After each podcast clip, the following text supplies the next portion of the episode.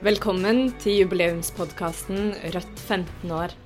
En serie hvor jeg, Ingrid Holland, snakker med en rekke Rødt-folk for å få innblikk i Rødts historie og vekst fra opprettelsen i 2007 og frem til i dag. Dette er tredje episode, En ny strategi, med Mari Eifring, tidligere partisekretær fra 2012 til 2017. I de to forrige episodene, stiftelsen og de første årene, har vi fått høre om Rødts oppstart som nytt parti. Mange hadde håpet at sammenslåingen av de tidligere partiene AKP og RV til nye Rødt skulle føre til vekst i partiet og høyere valgoppslutning. Og mange hadde nok håpet at stortingsvalget i 2009 skulle bli Rødts store gjennombrudd men resultatet endte med en oppslutning på kun 1,3 Som følge av valgresultatet ble det på landsmøtet i 2010 satt ned en strategikomité leda av Mari Eifring. Komiteen fikk mandat til å arbeide i to år med å utvikle en ny strategi for Rødt. I denne episoden har jeg snakka med Mari Eifring som forteller om hvordan de jobba i disse årene i strategikomiteen, hvilke prioriteringer som ble gjort, og hvordan Rødt henta inspirasjon fra andre sosialistiske partier i Europa. Vi får også høre om Maris tid i Rød Ungdom og som partisekretær fra 2012 til 2017. Følg med!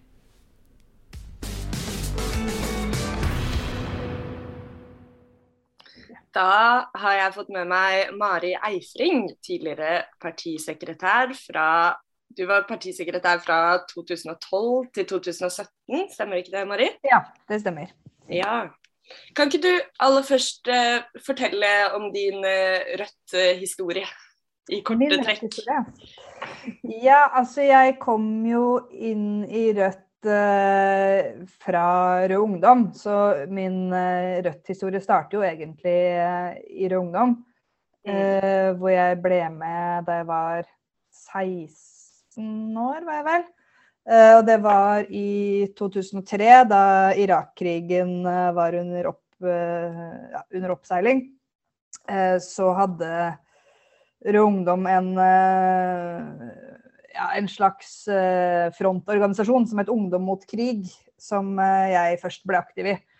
Og så derfra så gikk det videre til, til Ungdom, um, hvor jeg var med lenge og var leder av Ungdom fra uh, Skal vi se, når var det? Fra 2008 til 2010.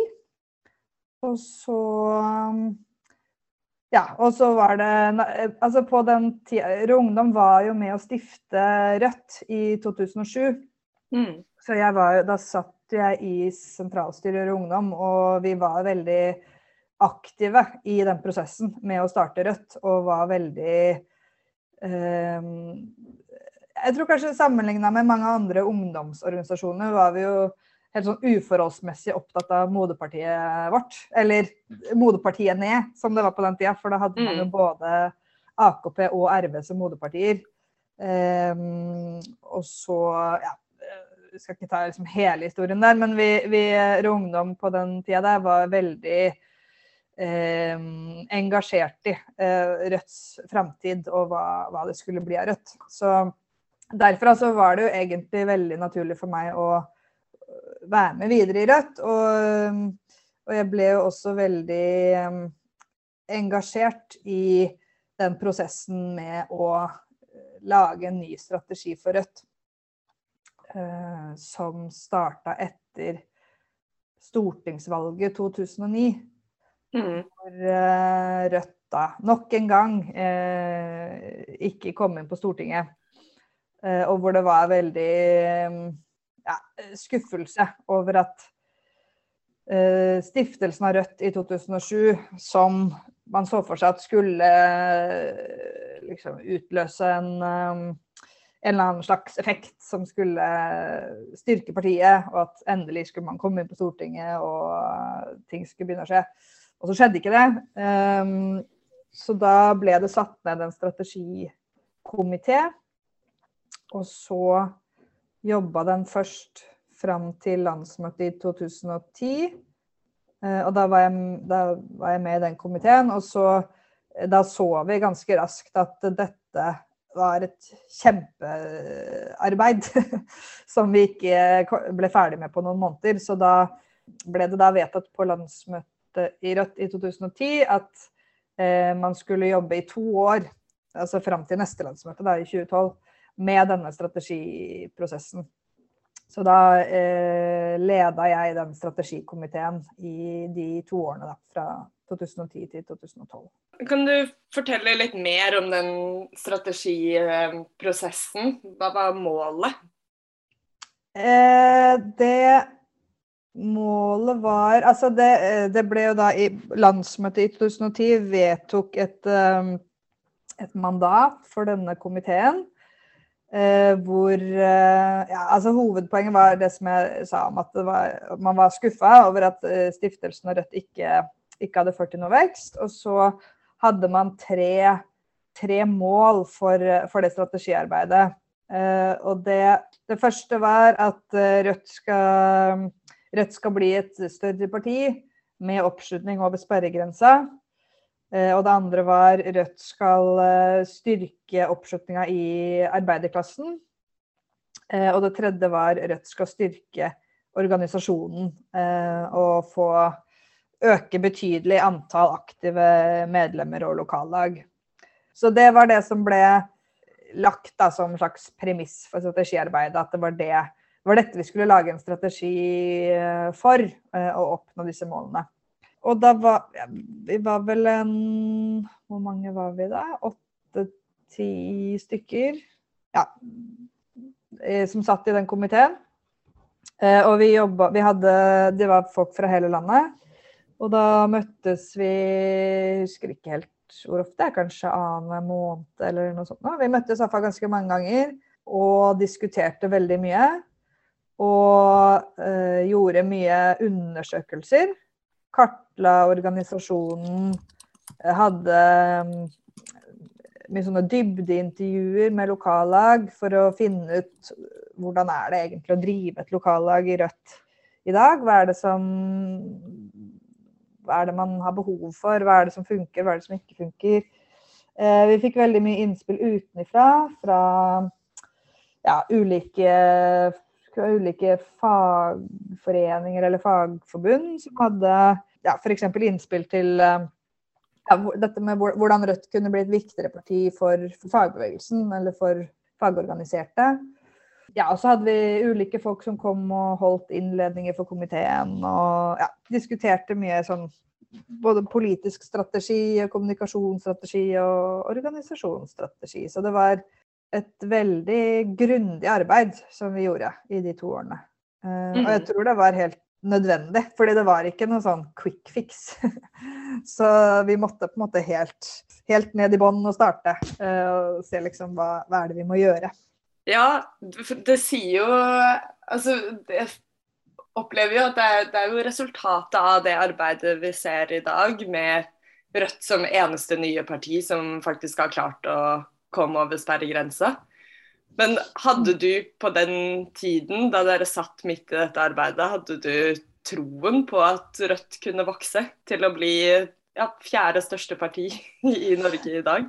Eh, jeg tror ingen eh, som jeg vet om på en måte, eh, tenkte at det var innenfor rekkevidde. Å bli fjerde største parti altså på, på målinger, da.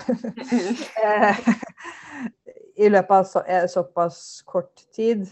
På det tidspunktet der var det så, det var så langt unna der vi var. At det var, det var, litt sånn utopisk å tenke på den måten. Men, men det var jo kanskje særlig det med sperregrense. Altså, jeg bare husker at så lenge jeg hadde vært med i både Ungdom og Rødt, så var bare sperregrense var jo liksom et sånt begrep som uh, hang i lufta, liksom. Som var, det var hele tiden det man snakka om at på et eller annet tidspunkt så skal Rødt eh, bryte sperregrensa.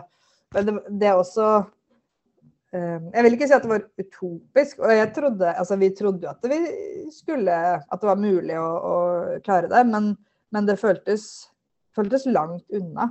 For det ville jo være å øke ja, altså ganske, et ganske betydelig hopp da, fra der vi var. Men jeg trodde, jeg trodde, definitivt at det var mulig for Rødt å vokse. Og når vi lagde den strategien som da ble vedtatt på landsmøtet i 2012, så trodde jeg jo at den skulle være Altså at det skulle være mulig å få til. Og det, var, og det viser seg jo i ettertid at, at, det var mulig. Selv om vi hadde, vi hadde Når jeg har sett på strategien i etterkant, så var den jo litt optimistisk. Altså sånn vi hadde satt opp hvilke milepæler vi skulle nå, så eh, hadde vi jo egentlig sett for oss at vi skulle komme inn på Stortinget i 2013, og så skulle vi bryte sperregrensa i 2017. Og så, sånn, så fort gikk det jo ikke, da. Så det tok jo lengre tid enn det vi hadde sett for oss. Og sånn sett så var vi kanskje litt optimistiske. Men øh, hvis man bare ser at vi liksom skjøv på det fire år, da. Kom inn på Stortinget i 2017, og så brøt sperregrensa i 2021. Så ser man at vi faktisk eh, klarte å få til de målene vi satte oss i strategien. da, Bare på litt lengre tid enn det vi tenkte da. Mm. Ja, for jeg lurer på om kan du prøve å beskrive for oss hvordan organisasjonen så ut da du tok over som partisekretær? For det er jo mange av oss eh, som har kommet inn nå de siste årene, som eh, får høre de historiene om altså, å sove på liggeunderlag i gymsaler. Og at det er jo en vei fra å være det partiet til nå å kunne ha ordentlige landsmøter på hotell og så hvordan så organisasjonen ut? Eh, altså, vi hadde jo Jeg tror i, sånn rundt 2011 så var det vel 90 eh, lokallag i Rødt. Eh, som jo egentlig er ganske, ganske mye, for så vidt. For da var vi vel tror det var under 2000 medlemmer. Og så var det vel 74 folkevalgte, tror jeg, på det tidspunktet der. Så at egentlig, hvis du bare ser på måler opp mot medlemstallet, som jo ikke var så høyt, så var det jo altså I mine øyne så var det jo egentlig en ganske sånn aktiv organisasjon, med tanke på hva størrelsen egentlig var. Det tenker jeg har preget Rødt eh, i stor grad. Altså mye eh, Folk har stått veldig mye på, uavhengig av hvor mye ressurser man har hatt. Eh, så det var kanskje det som var en av de store forskjellene da og der partiet er i dag. Da. Altså man hadde mye mindre ressurser. Så man var mye mer avhengig av at folk eh, ja, måtte, måtte liksom ordne alt selv. Da.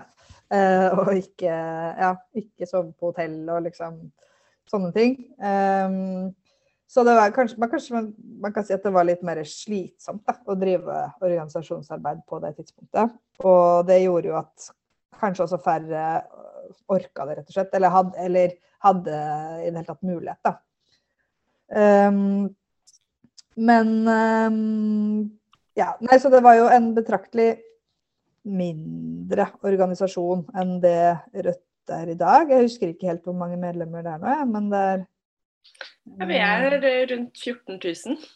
Ja, det, ja, det er såpass, ja. ja.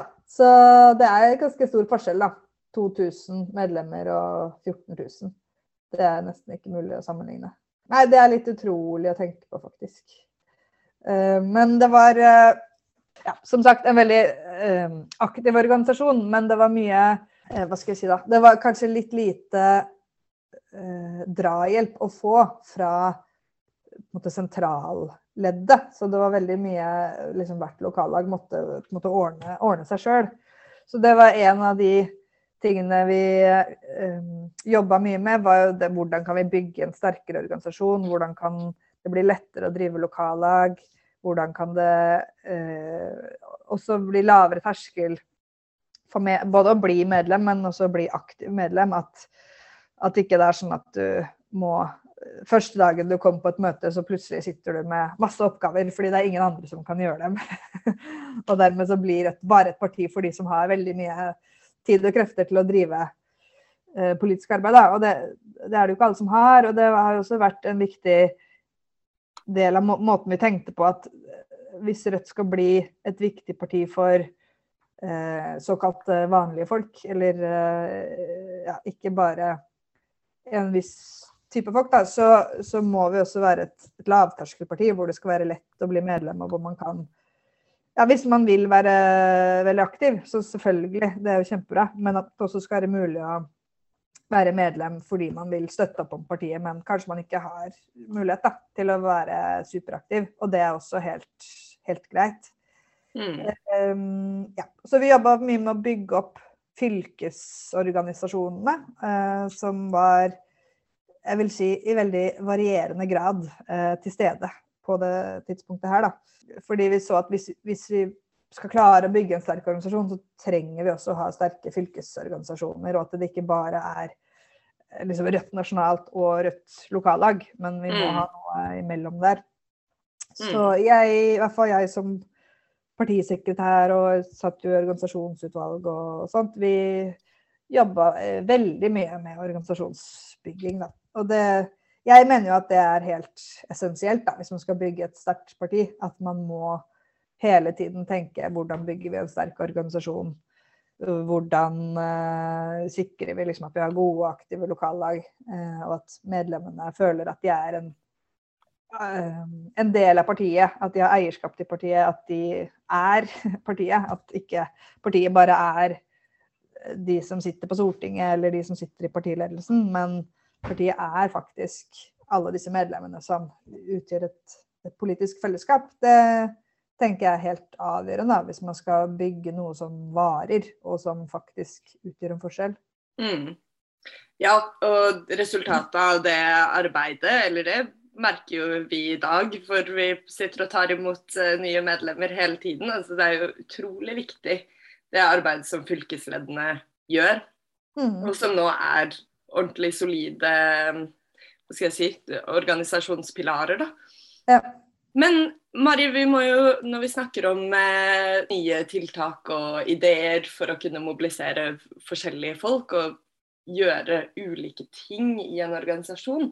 Så helt på slutten av din uh, tid som partisekretær, så arrangerte dere jo også Pop-Venstre for mm. første gang.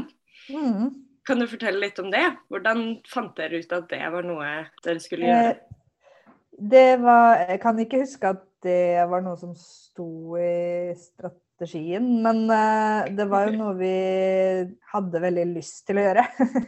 mm. Og så var vi inspirere Vi hadde ganske mye kontakt med andre venstresidepartier eh, i Europa og andre steder, for så vidt. Så dette var noe vi hadde tatt med oss eh, fra Belgia, egentlig. Eller det, er, det er fortsatt noe som skjer i flere land, da, men vi hadde vært eh, i Belgia på en eh, festival eh, der som eh, et parti som heter PTB, som er sånn venstresideparti, der arrangerer hvert år. Uh, og syntes det var veldig kult, fordi det var masse folk, og det var eh, konserter og innledninger og ja, masse gøy, da. Eh, og så tenkte vi sånn dette, Det finnes jo ikke noe sånn her i Norge. men hvor kult hadde ikke det vært hvis vi kunne lage en sånn politisk og kulturell festival som var åpen for alle. Altså at du måtte ikke være medlem av Rødt for å alle kunne komme dit. Eh, men hvor man fikk både politisk påfyll, eh, men også konserter og kulturelle eh, ting som skjedde på scenen. Og eget program for barna. Og at man bare kan sitte på gresset og prate med kjente og ukjente og ja, være på festival. det var en idé som jeg er veldig glad for at vi faktisk fikk til eh, i praksis, og at eh, vi så jo at det funka. Altså at det var noe folk satte veldig stor pris på. At det ikke bare Altså at politikk ikke bare skal være sånn møter og eh, protokoller og ja. Mm. Det må jo være det òg, men uh, det kan også være uh, andre ting, da. Og det tenker jeg også er litt viktig for et parti som Rødt at vi kan Eller det var, ja, det var som tanken vi hadde da, da. Vi kan vise at det er mulig å også drive politikk på, på andre måter. Eh, og at det også kan mobilisere folk og ja, kanskje gjøre at folk som ellers ikke tenker på seg selv som så politiske vesener, at de kan se at ja, men dette, dette, det passer jo for meg også. Eller her er det noe for meg også.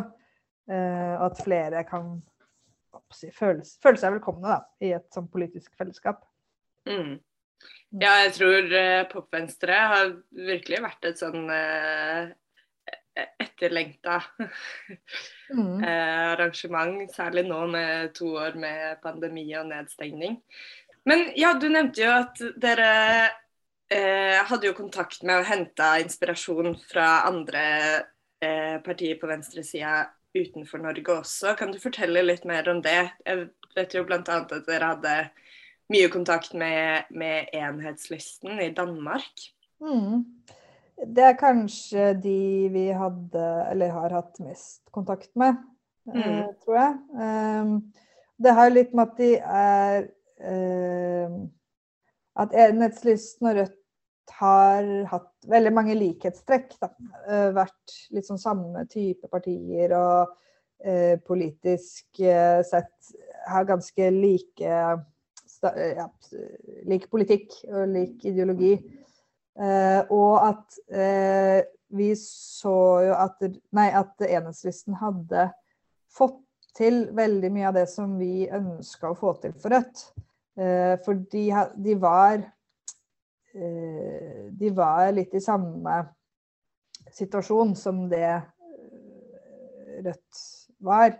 Hvor de ikke ja, de, hadde, de hadde på en måte stagnert litt da, og hadde ikke noen fremgang. Og så eh, tok de på et tidspunkt eh, tak og gjennomførte en del eh, sånn spørreundersøkelser og kartla liksom hvorfor hva, hva det, hvorfor har det stoppa opp? Hvorfor har vi ikke noe framgang? Og hva er, eh, hva er egentlig velgernes oppfatning av enhetslysten? Eh, og så fant de jo ut at det eh, Eller de fant ut hvorfor hva som var de viktigste grunnene til, grunnene til at folk ikke stemte enhetslysten. Og at det bl.a. var at, de, at velgerne var redde for å kaste bort stemmen, og at de følte at det ikke det nytta. Eh, og så fant de også ut at eh, velgernes oppfatning av ensisten ikke, altså var ikke den samme som det partiet selv måten partiet selv oppfatta seg på. Så det betyr at man ikke man lyktes ikke med å kommunisere ut til velgerne hvem man var, og hva man ville, og hva man holdt på med. Eh, så med det utgangspunktet der, så gjorde de eh, tok de noen grep da, som var å eh, for det første eh, vise veldig tydelig hva de faktisk fikk til. Altså for å gi, vise at det, det, nytter å stemme på enslisten. Og hvis du stemmer på enslisten, så, så, gjør du at vi faktisk kan få til disse og disse tingene, fordi det er dette vi gjør, og dette er ting vi oppnår, osv. Eh, og så var det å, å eh, ha en, altså en, sånn strategisk kommunikasjon, da, hvor man var veldig eh, tydelig i prioriteringene på hvilke saker man var opptatt av, og eh, snakket måte, om de samme tingene eh, mange ganger, sånn at, at, det kunne feste seg et inntrykk hos velgerne. At det ikke var 100 forskjellige temaer man skulle snakke om. Mm. Eh, og det funka jo. Altså de eh, Ja, nå husker jeg ikke helt tallene, der, men de, de eh, fikk jo et sånt nasjonalt gjennombrudd og vokste veldig mye. Jo, de, eh, de, hadde jo også på det tidspunktet ikke noen sånne ingen leder eller nasjonal talsperson. Så det mm. var jo også et grep de tok, og da var det hun Johanne Schmidt-Nielsen som ble deres uh, talsperson. Og som ble, hun ble jo Danmarks mest populære politiker, ikke sant. Og uh, det at det var en, en person da, som man kunne identifisere partiet med, var også viktig. Mm. Så dette var jo noen av de tingene vi var interessert i å vite mer om, og som vi hadde ganske mye kontakt med jenslisten om, for å høre helt sånn konkret hvordan de jobba. Eh, og som vi lærte veldig mye av. Altså en del av de grepene ligner jo litt på noen av de grepene vi gjorde i Rødt. da. Kanskje særlig dette med å eh, ha veldig tydelige prioriteringer. Hvor vi sa at det er kampen mot Forskjells-Norge som er som er vår viktigste sak. Det er det vi skal prioritere, og det er det som skal være eh, som skal være tydelig for både våre medlemmer og velgere at dette er, dette er det vi prioriterer. Eh, og at vår kommunikasjon skal også være tydelig, tydelig på det. Ja, det var jo et sånt viktig grep som vi tok da, med den strategien. Og som var uh, ja, i hvert fall delvis da, inspirert av det enhetslisten hadde gjort. Så um, jeg vil si at de var veldig viktige for oss på det tidspunktet der. Det er alltid veldig fint å ha noen som en slags sånn storesøster, eller noen mm. kan, som har gjort det samme som det du vil, bare litt før deg, og så kan du lære litt av hva de har gjort. Og, uh, ja. Det er um, Så jeg tenker at det er uh, det er veldig bra og viktig å måtte fortsette med å lære av andre og ha kontakt med andre. Uh, både partier og ulike bevegelser. Og det er kjempeviktig at man ikke bare er seg selv. Mm.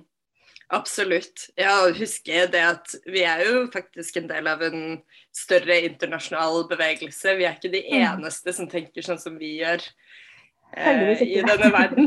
Nei. Men du, Mari, i 2017, da ble Bjørnar eh, valgt inn på Stortinget. Og du ga partisekretær stafettpinnen videre. Um, hvordan har det vært etter det å se Rødt mer utenfra? Det har jo vært helt fantastisk, egentlig, å se hva som har skjedd etter det.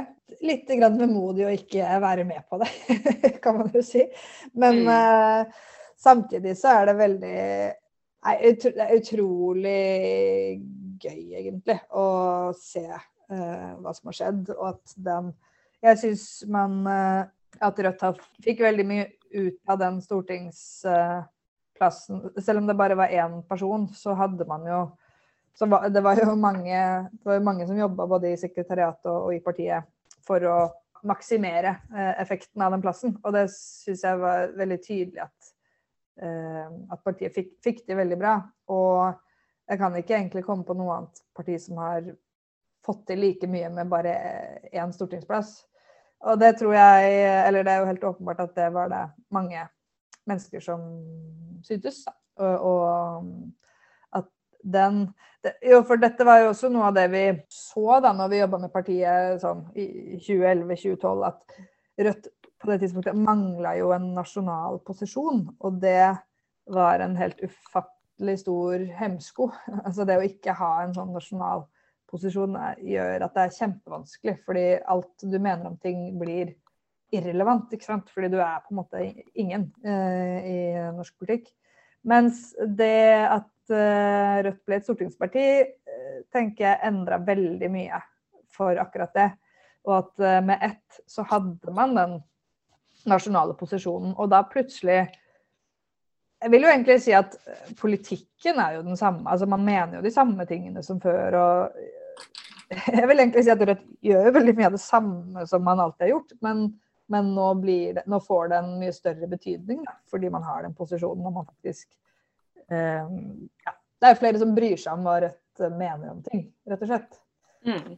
Um, og jeg syns jo uh, Jeg har jo sagt litt om det med viktigheten av å bygge organisasjon. Så for meg så er det jo minst like fantastisk å se den organisatoriske veksten som har vært i Rødt. Og at det har blitt så mange medlemmer. Og det syns jeg er helt fantastisk og um, veldig viktig for fortsettelsen. Uh, at man har en sterk og aktiv organisasjon. Mm. mm. Ja, og nå i 2021 så brøyt Rødt den sperregrensa som dere jobba mm. i mange år med å gjøre oss klare for. Mm. Men det er jo sånn at Rødt kan falle under sperregrensa igjen. Mm. Hva tenker du er det viktigste vi gjør for å sørge for at det ikke skjer? Jeg, jeg tenker at man kanskje bare ikke, ikke skal la seg rive altfor mye med av hypen. og eh, Det kommer jo en del sånne veldig gode målinger, og plutselig så, ja, så er man fjerde største parti, eller eh, ja, gjør det veldig bra, da. Og det er jo kjempekult, selvfølgelig.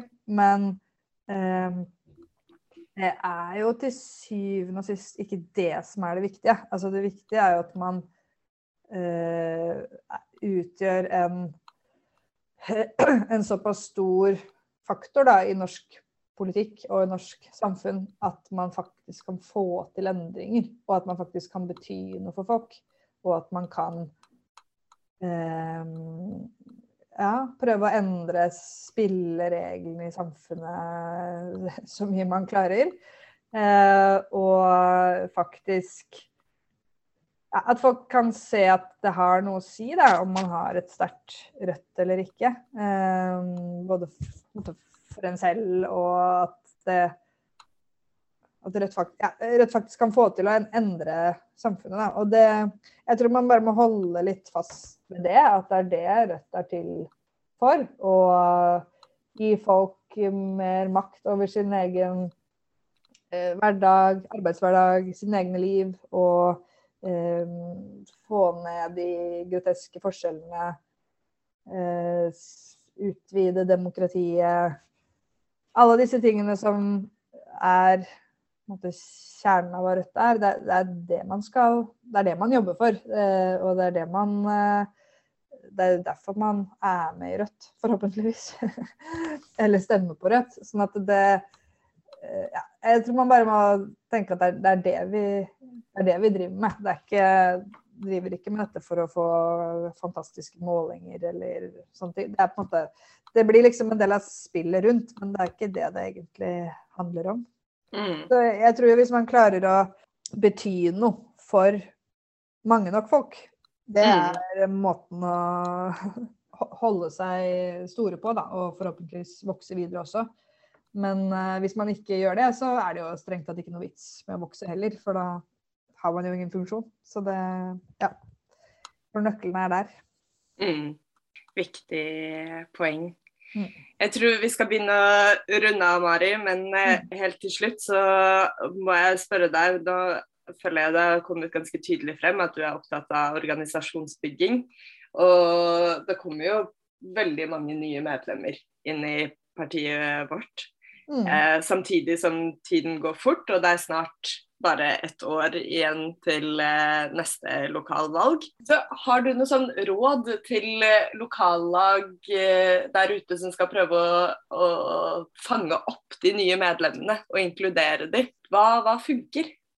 Ja, det er det jo helt sikkert mange lokallagsledere som kan svare bedre på enn meg. Men jeg tror det viktige er jo at folk føler at de blir sett og at det betyr noe. Altså for Det varierer jo litt, da, men for en del så er det jo et føles det jo som et stort skritt å melde seg inn i et parti. Da har man tatt et valg, uh, og man har bestemt seg for at dette er noe jeg vil gjøre. sånn at det, det er jo viktig, tenker jeg, som organisasjon at man uh, anerkjenner det valget og det skrittet folk har tatt, og at man ser det, og at man ja, imøtekommer de som har tatt det valget. Og så um, jeg tror man må sette litt sånn tid og krefter til å bli, prøve å bli kjent da, og finne ut For det er jo det som er også fantastisk med å få nye medlemmer, er at man får For hvert nye medlem så får man jo også tilgang på mye ressurser, eller alle har jo noe å bidra med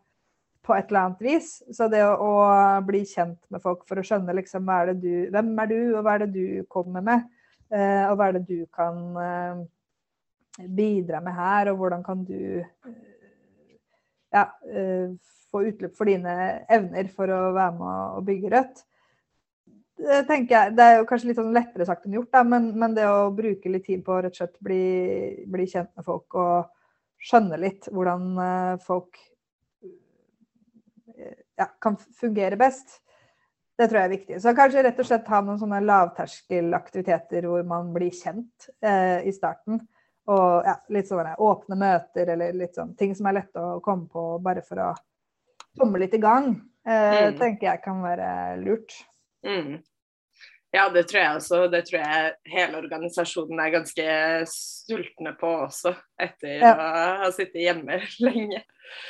Ja, men Mari, tusen takk for at uh, du ville snakke med meg og snakke med oss. Tusen takk for at jeg fikk komme så håper jeg at eh, Eller jeg tror at vi har litt bedre innsikt i Rødt sin historie.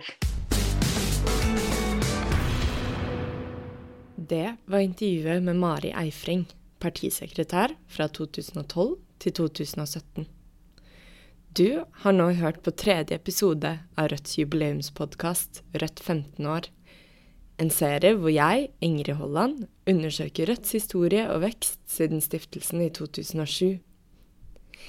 I neste episode skal vi se nærmere på Rødts store gjennombrudd i 2017, da Bjørnar Moxnes ble valgt inn som Rødts første stortingsrepresentant. Følg med i neste episode.